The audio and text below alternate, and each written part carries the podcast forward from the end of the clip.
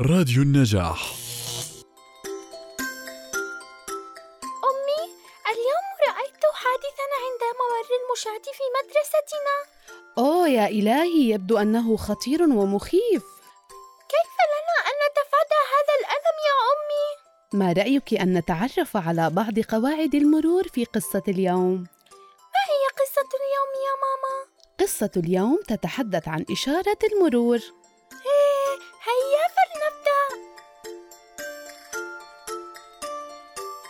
قبل غروب الشمس بمدة قصيرة في يوم من أيام الصيف. أرادت الأسرة أن تشرب الشاي كما تعودت أن تشربه كل يوم.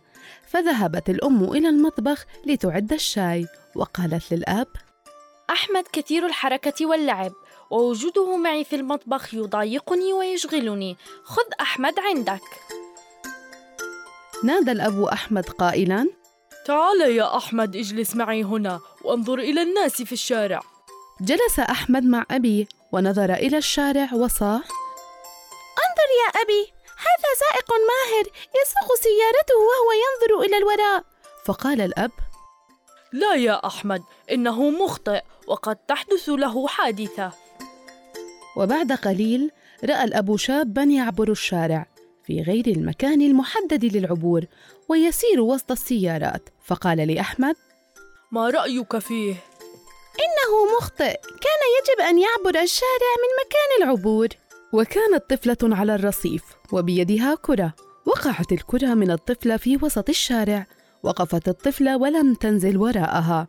ولما خلى الشارع أمسك شاب الكرة وأعادها إلى الطفلة فشكرت فقال الأب هذه طفلة عاقلة يا أحمد. ظهر النور الأصفر من الإشارة.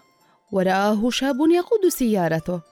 فأراد أن يمر قبل ظهور النور الأحمر وأسرع بسيارته فاضطرب المرور وارتبكت السيارات ورآه أحمد فتضايق وقال إنه شاب طائش. رأى أحمد صديقه مروان يحمل حقيبة وينتظر حتى يخلو الشارع تماما ويعبره بين العلامات المحددة فقال لأبيه بفرح انظر صديقي مروان. فقال الأب مروان ولد عاقل يعرف نظام المرور. وخرجت سيارة من شارع من الجانبين وكان سائقها يسوقها ببطء عند المنعطفات. وفجأة وجد أمامه كرة والأطفال يجرون وراءها فوقف سيارته بسهولة. فقال الأب لو كان مسرعا لصدم أحد الأطفال.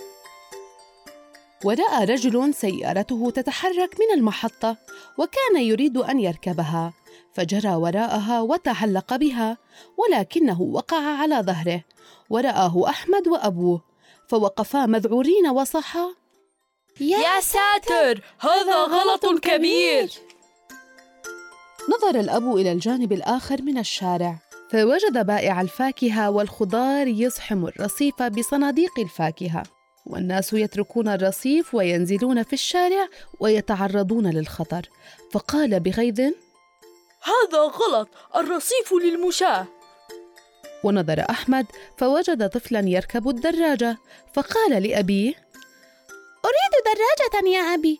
فقال الأب سأحضر لك دراجة ولكن إذا عرفت الغلطة التي يغلطها الطفل الآن.